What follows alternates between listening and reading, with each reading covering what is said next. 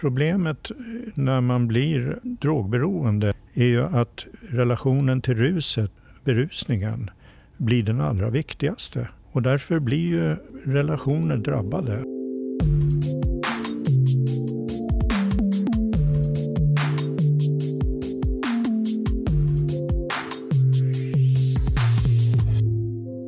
Hej och välkommen till det 32 avsnittet av FoU-podden. Det här avsnittet kommer att handla om familjeorienterat arbetssätt. Jag som gör podden heter som vanligt Lena Stenbrink och är kommunikatör på FoU Sörmland. Med mig här i studion har jag Elisabeth Björk Andersson och Camilla Hesselbäck. Varmt välkomna. Tack. Tack. Och vi börjar väl som vanligt med att ni får presentera vilka ni är. Okej, okay, jag heter Camilla Hesselbäck och är utvecklingsledare här på FoU. Och jag heter Elisabeth Björk Andersson och är utvecklingsledare här på FoU. Och tillsammans med Camilla och med Elin Schelin och Ingvor Ekinge på Länsstyrelsen och med Socialstyrelsens finansiering så har vi samordnat en dag om familjeorienterat arbetssätt. Jag är eh, Elin Schelin och jag arbetar som eh, samordnare för eh, alkohol, narkotika, dopning, tobak och spel förebyggande arbete på Länsstyrelsen. Min roll är att Eh, ge stöd till aktörer som arbetar med ANDTS, då, som vi förkortar alkohol, narkotika, dopning, tobak och spel, på olika sätt. Ehm, och vi gör det genom att eh, erbjuda eh, metodstöd, sprida forskning. Dels det, och sen så gör vi det också genom att eh, eh, verka för eh, strukturer i länet för att ha ett framgångsrikt förebyggande arbete. Till exempel så har vi tagit initiativ till att ta fram en eh, regional ANDT-strategi så att alla eh, ska jobba mot samma mål och gemensamt med insatser för att vi ska vara så effektiva som möjligt i det här arbetet. Min roll den här dagen har varit att eh, samordna och sy ihop här, den här dagen tillsammans med de andra i arbetsgruppen. Och, eh, det här är ju en del av eh, en av insatserna som vi har eh, kommit överens om att vi ska göra i, i den regionala ANDT-strategin tillsammans. Och syftet med dagen är ju att sätta fokus på barn som växer upp i missbruk eh, eller där föräldrar missbrukar. Dagen känns väldigt viktig för att alla barn har ju rätt att inte få det stöd som de behöver eh, och har rätt till att eh, till sina föräldrar oavsett om de, eh, vilken problematik föräldrarna har. Jag tycker att dagen har gått väldigt bra. Det känns som att vi har fått en röd tråd med att lyfta upp varför är det viktigt med den här dagen, varför behöver man arbeta strukturerat och vad finns det för vinster med att arbeta eh, samordnat eh, med ett eh, familjeorienterat arbetssätt. Och också att gått från att lyfta upp varför men också att prata om hur. Hur gör vi då när vi har fått ett exempel på ett bra arbetssätt från Tyresö som var väldigt konkret. Så det känns bra och det känns också bra att vi nu har workshops för då kan man verkligen gå till handling och sätta fokus på sin egen kommun. Hur jobbar vi på vår enhet för, med de här frågorna och på ett samordnat sätt. Eh, den här dagen är väldigt viktig för att eh, vi vet att eh, en femtedel av alla barn ungefär växer upp i ett hem där missbruk eller psykisk ohälsa förekommer. Och de här barnen har ju rätt till stöd och hjälp utifrån sin livssituation så att de också kan utvecklas till välfungerande vuxna som kan bidra till samhället. För att vi vet att annars om, om barn som växer upp i missbruksfamiljer eller där psykisk ohälsa förekommer har större risk att själva drabbas av psykisk ohälsa, eh, att eh, drabbas av missbruk eller till och med ökad risk för självmord. Så att det är otroligt viktigt förebyggande arbete att eh, lyfta upp den här gruppen. Och då vill vi förstås veta vad är familjeorienterat arbetssätt? Familjeorienterat arbetssätt är att, att arbeta med hela familjen. Om, om man har en familj där någon kanske har missbruk eller psykisk ohälsa, att man inte glömmer bort barnen, utan att man arbetar med hela familjen. När man till exempel har en förälder som har ett missbruk, så kan det vara så att man glömmer bort att det också finns barn där och barn som har påverkats av eh, missbruket och barn som också kanske påverkas av att föräldern försvinner iväg och åker iväg på en behandling. Och även om det blir bra så behöver man involvera och se till hela familjen vilken typ av stöd som behövs. Barn uppvisar ju oftast symptom, kanske att de inte mår så bra, vilket kan bero på att föräldern inte mår bra. Så det är viktigt att också uppmärksamma och se barnen. Och samtidigt också kunna stötta föräldrarna att vara bra föräldrar trots eh, de, den problematiken som finns. I vilka fall är det aktuellt att arbeta på det här sättet? Ja, det är ju som eh, har nämnts här då att det är familjer där det finns ett, ett missbrukberoende eller där det eh, finns psykisk ohälsa. Så man tänker att det är det som man alltid ska utgå från, att det är det arbetssättet i alla sådana situationer. Man behöver ju uppmärksamma det, men sen kanske det inte är så att, att man arbetar med hela familjen för att det kanske inte behövs. Det kanske inte är så att eh, det finns ju familjer där det kanske finns missbruk och psykisk ohälsa, men att, att man inte behöver sätta in något direkt stöd till barnet. Men, eh, men man behöver ju ändå uppmärksamma eller upptäcka eller liksom utreda det. Titta på hur barnens situation ser ut i de här familjerna så att inte det blir bortglömt. Och att man faktiskt arbetar tillsammans inom socialkontoret. Eftersom det i dagsläget oftast ser ut så att man har olika enheter. Man är en enhet som jobbar för missbruk och sen är det en annan som kanske jobbar med barnen. Då.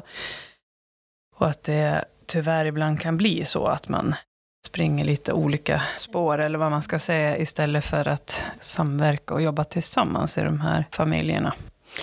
Familjeorienterat arbetssätt förutsätter intern samordning mellan verksamhetens enheter för att kunna se till helheten, som att man inte missar någonting. Och hur ser det ut idag? Är det, är det många som arbetar så här redan? Eller? Jag tror att det ser lite olika ut i länets kommuner. Det tror jag också. I vissa fall så arbetar man på det här sättet, kanske i vissa typer av eh, ärenden, jag vet inte, och i vissa kommuner, men jag tror att vi har kommit lite olika långt och jag tror att vi ändå behöver uppmärksamma det och se till vad vi skulle kunna eh, förbättra för att jobba med familjen som helhet.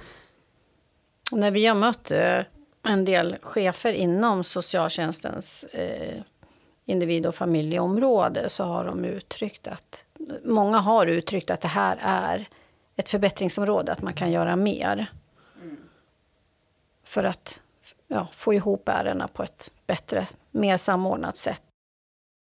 Precis, och som du och jag Elisabeth har pratat om så behöver ju, vi tänker att det inte behöver vara några större jätteomorganiseringar utan att man kanske mera tittar på vad har man för rutiner i den här typen av ärenden.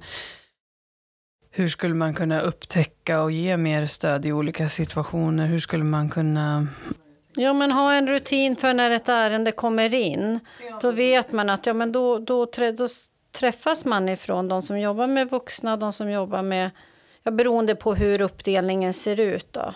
Eh, men både de som jobbar med, med barnen och de vuxna, den vuxne, att man träffas och sett, funderar över hur ser det ut i det här ärendet? Hur ska vi kunna lägga upp det för att det ska bli så bra som möjligt? Var behöver vi börja och så vidare. Precis, och att man ser över i sin organisation, hur arbetar vi med det här och hur skulle vi kunna göra det mer förenklat att jobba tillsammans. Jag tror att många eh, vill arbeta så och eh, i många fall gör det, men att man kanske skulle kunna få in det som rutin så att alla gör det så att man inte missar Ja, för allt, framförallt att man, man upptäcker barnen som finns i de här familjerna. Och huvudsyftet med att upptäcka barnen är ju att man uppmärksammar barn som, som lever utsatt för att de oftast sen kanske när de blir vuxna hamnar i ett missbruk eller någon annan form av dysfunktionellt beteende. För att förhindra det och sätta stopp för det så är det ju viktigt att man börjar arbeta när man upptäcker det, när de är små. För att eh, ja, men göra ett förebyggande arbete. Mm, för det är ju en, en, stor riskfaktor att växa upp i en sån miljö. Det vet vi ju. Jag undrar om inte hon som föreläste från Socialstyrelsen hade siffror på det. Jo, och sen också att hon, hon tog väl också upp olika riskbeteenden, eller vad man ska säga, där man kan se hos barn som växer upp i de här familjerna, vad man, vad man får med sig också. Ja, eh, Elisabeth, du nämnde någonting om en inspirationsdag i början.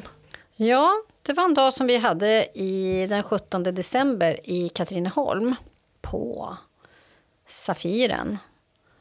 Och när vi började arbeta med den dagen och eh, anmälningarna började komma in så var det sån efterfrågan så vi fick faktiskt göra ett lokalbyte till en större lokal. Nästan 90 tror jag att vi blev totalt. Ja, det var en inspirationsdag, men kan ni beskriva lite mer vad var syftet med dagen? Ja, syftet var ju att inspirera till det här arbetssättet. Så att lyfta det, det som vi pratade om tidigare med tidig upptäckt och att faktiskt ge stöd till hela familjen och hur viktigt det är. Eh, vilka var det som var målgruppen för den här inspirationsdagen då?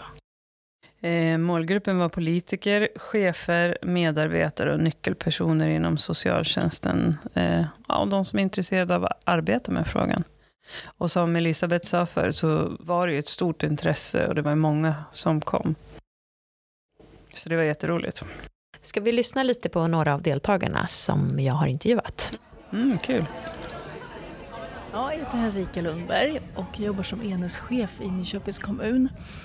Eh, och eh, jag är här idag på den här inspirationsdagen som handlar om familjeorienterat arbetssätt.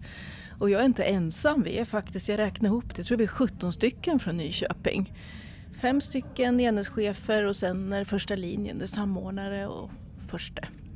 Så det känns jättebra. Och varför vi är här, det handlar ju mer om att vi har ju en strävan att jobba familjeorienterat i Nyköpings kommun men eh, som jag tror de flesta socialtjänster känner till så kan det vara lätt att man ändå hamnar lite stuprör fast man vill samverka.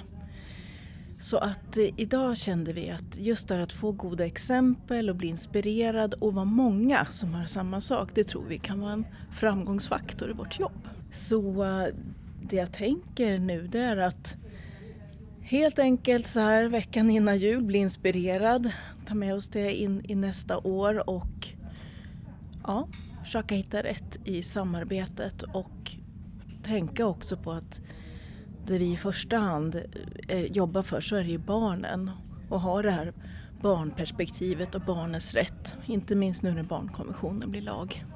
Så vi har ett jobb att göra men det känns kul och inspirerande.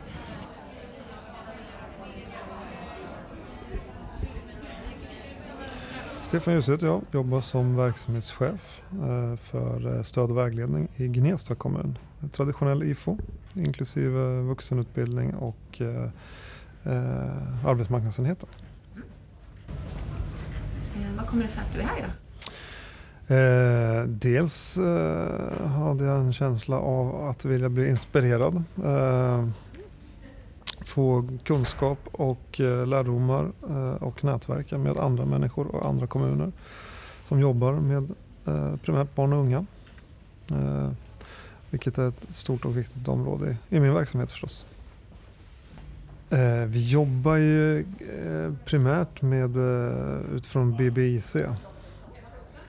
vilket i min värld ger vid handen att vi, vi kommer ganska långt i arbetet med att Eh, omhänderta och tillse barns behov och barns bästa. I, i allt från utredning till myndighetsutövning och till eh, verkställighetsarbetet. Eh, vi jobbar också aktivt med att implementera de delarna i barnkonventionen som, som är gällande för vår verksamhet eh, under nu, ja, när det blir lag nu 2020. Eh, så det, det, är också en viktig del.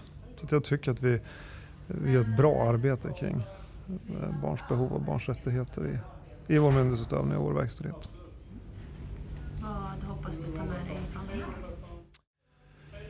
Eh, jag hoppas eh, få lite energi, lite kraft och lite goda idéer och eh, exempel på hur man kan tänka, vad man kan göra och kanske också ett och annat vad man inte ska göra. Och sen hoppas jag träffa, och vilket jag eh, också redan har gjort, eh, massa kompetenta, trevliga människor.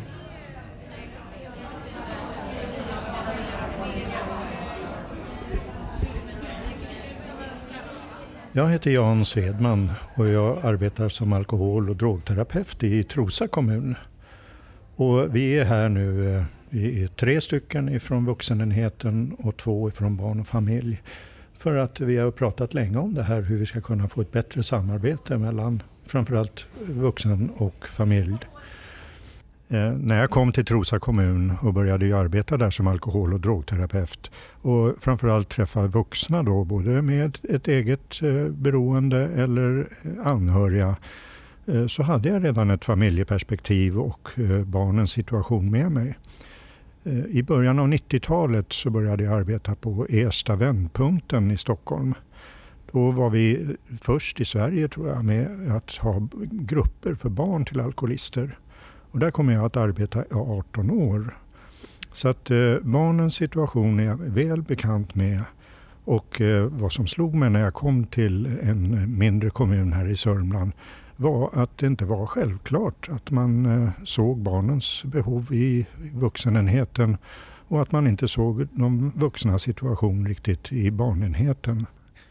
Ja, dagen idag har ju handlat mycket om eh, relationen. Relationen mellan föräldrar och barn, relationer mellan eh, vår, vi som eh, hjälpare eller de som ska finnas där för de är, som är drabbade.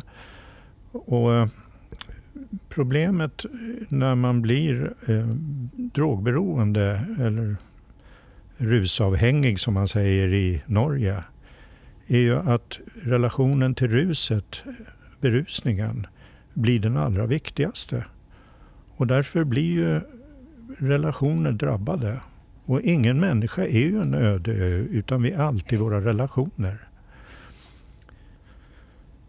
Så att eh, allt beroende är en eh, relationsproblem. Och eh, det är ju så att bygga upp sunda relationer kräver att man är nykter och drogfri. Och därför kan man inte bara arbeta med relationen.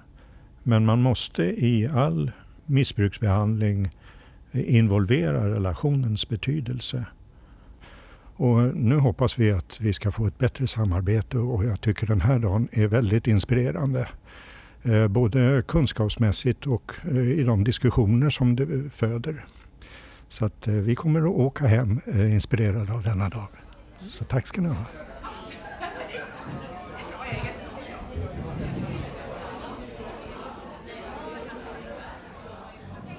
Vad roligt att få höra. Mm. Mm.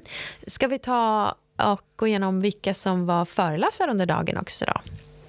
De som inledde dagen det var Socialstyrelsen och Maria Bostedt Hedvall som började med att berätta om vad Socialstyrelsen gör.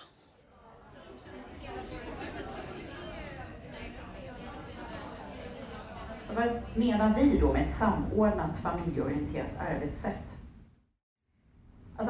En förälder har ett missbruk så behövs både ett barnperspektiv men också ett föräldraperspektiv såklart i utredningar och insatser. Barnen påverkas även om föräldern som har problem inte lever med eller ens träffar barnen. Det, det finns där ändå. Och det här familjeorienterade arbetssättet det innebär ju då en samverkan kring hela familjen. Och det är någonting som hjälper både barnen, men också föräldern som missbrukar och en eventuell partner. Då. Har man en intern samordning mellan verksamheternas olika enheter så möjliggör det då ett gott stöd till, till hela familjen och förebygger också framtida ohälsa.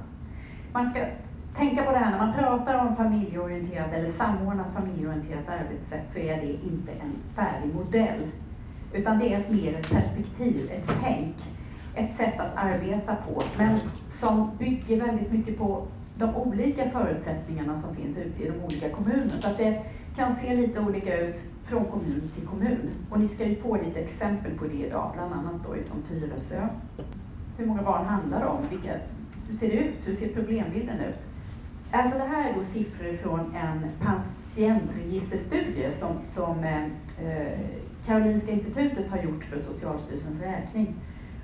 Och det är en studie som omfattar då fem årskullar barn födda på 70-talet, 70 eh, till 75. Och det handlar om en halv miljon barn. Det är alltså ett jättestort eh, eh, underlag. Och då har man följt dem genom register, upp till 30-35 års ålder. Och det handlar då om, om barn till föräldrar som har vårdats eller dömts för missbruk och eller psykisk ohälsa.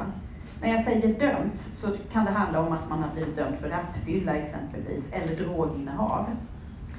Och vad man kan se då, närmare 8 procent har då av barnen i Sverige har under uppväxten en förälder med så allvarligt missbruk eller psykisk ohälsa att de då har fått sjukhusvård. Och då pratar jag om inneliggande sjukhusvård minst en vecka.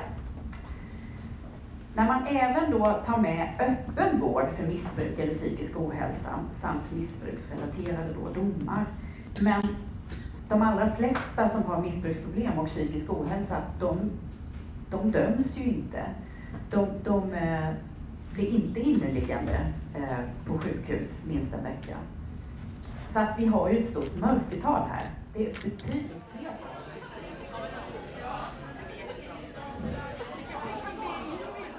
Mm, och sen hade vi några goda exempel från Tyresö kommun som kom dit och berättade hur de har arbetat. För de arbetar redan med det här sättet, eller? Ja, precis. Syftet är ju helt enkelt det är ju att, att vi vill säkerställa att barnet och ungdomen får den hjälp den behöver ur ett familjeperspektiv. Alltså det handlar inte om att den stökiga ungdomen behöver hjälp med att förbättra sitt beteende eller att den utåtagerande tonåringen behöver hjälp för det eller den här stackars fyraåringen som ständigt är ledsen. Det är inte det som är problemet utan problemet är att det förekommer missbruk i familjen och att det får enorma konsekvenser för familjen. Den här kommer ju anmälan in mottagningen på barn och ungdom. Och det är när det gäller oro för alkohol eller droger, då tar de kontakt med vuxenmottagningen. Och då bokar man in en tid för ett gemensamt möte som barn och ungdomsmottagningen. De eh, kallar familjen och sen träffas man på ett gemensamt mottagningsbesök. Och det, då kanske man eh, väljer att inleda utredning på mottagningen för barn och unga.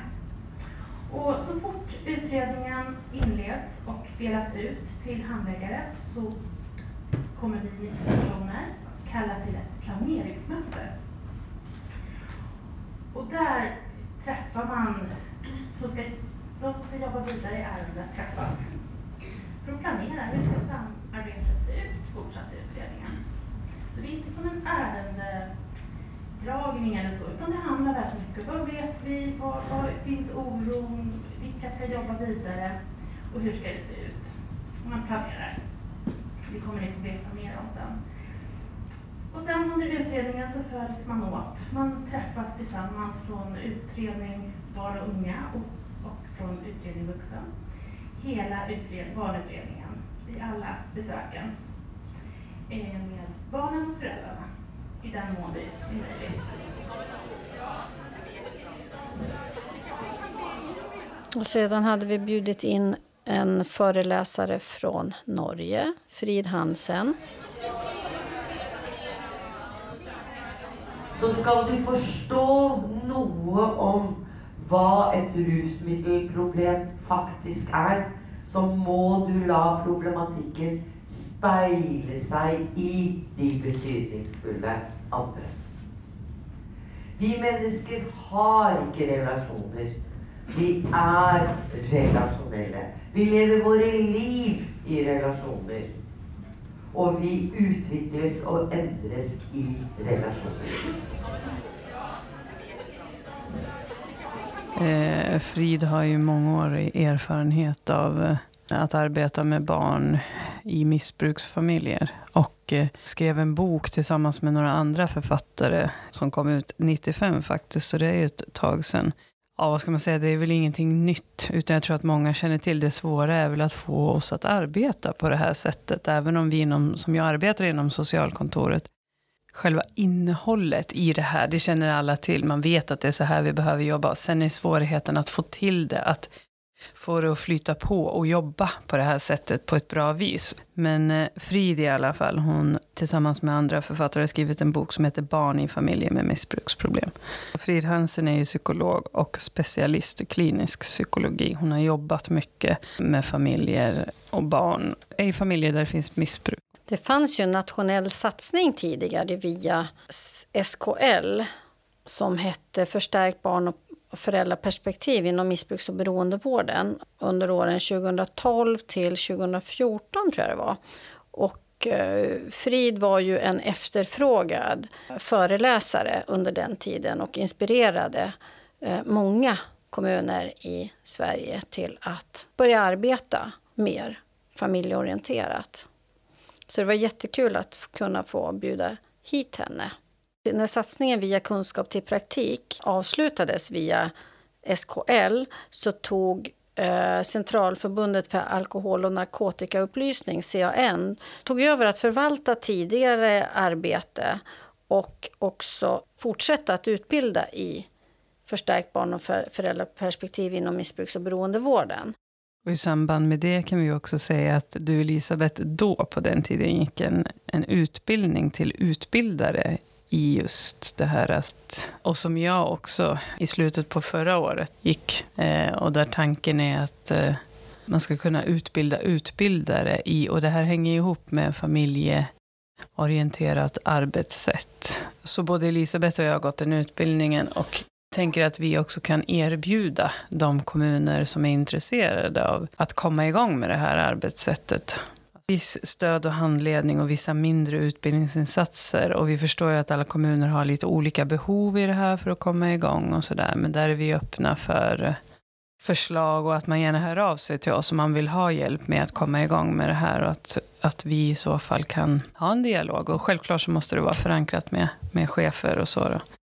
Men eh, kan till exempel prata om de här eh, i olika teman eh, så att man har något APT-liknande möte och har diskussioner runt eh, ja, olika teman som, som handlar om just barn i familjer med missbruk till exempel.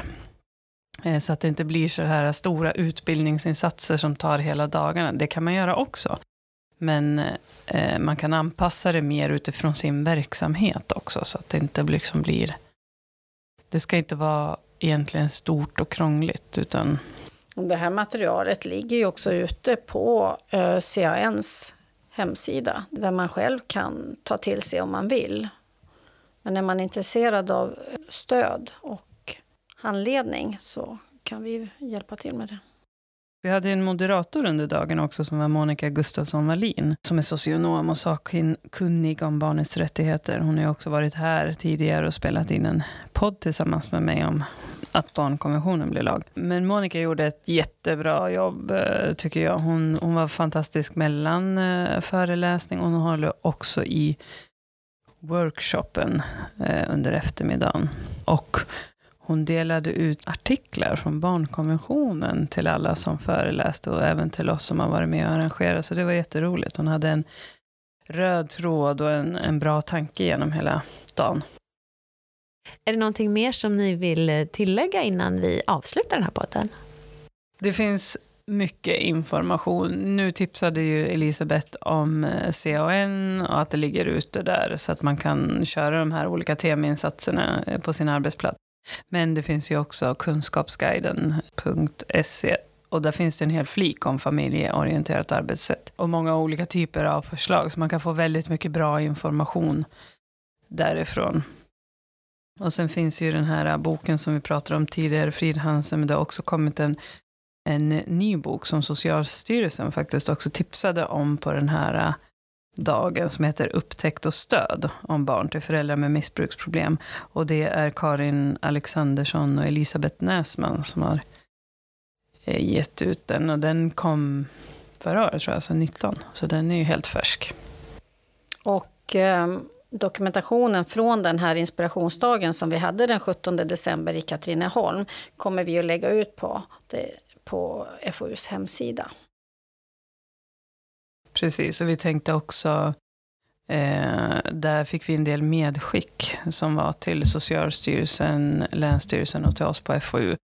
Där vi tänkte sammanfatta lite eh, utifrån de medskicken, svar från oss.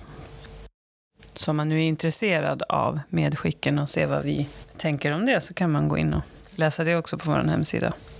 Ja, jag tycker vi ska göra ett medskick till de som lyssnar att om man är intresserade av familjeorienterat arbetssätt och att eh, ta del av det utbildningsmaterial som finns på CANs hemsida. Men om man känner sig lite osäker kring eventuellt hur man kan lägga upp eh, en eh, utbildning så kan man höra av sig till Camilla eller till mig. Ja. Tack så mycket för att ni ville berätta om det här. Och till dig som har lyssnat så vill jag säga tack för att du har lyssnat och berätta att nästa avsnitt av FoI-podden kommer att handla om NVD, eller Noden för välfärdsteknik och digitalisering. Hoppas du vill höra den med.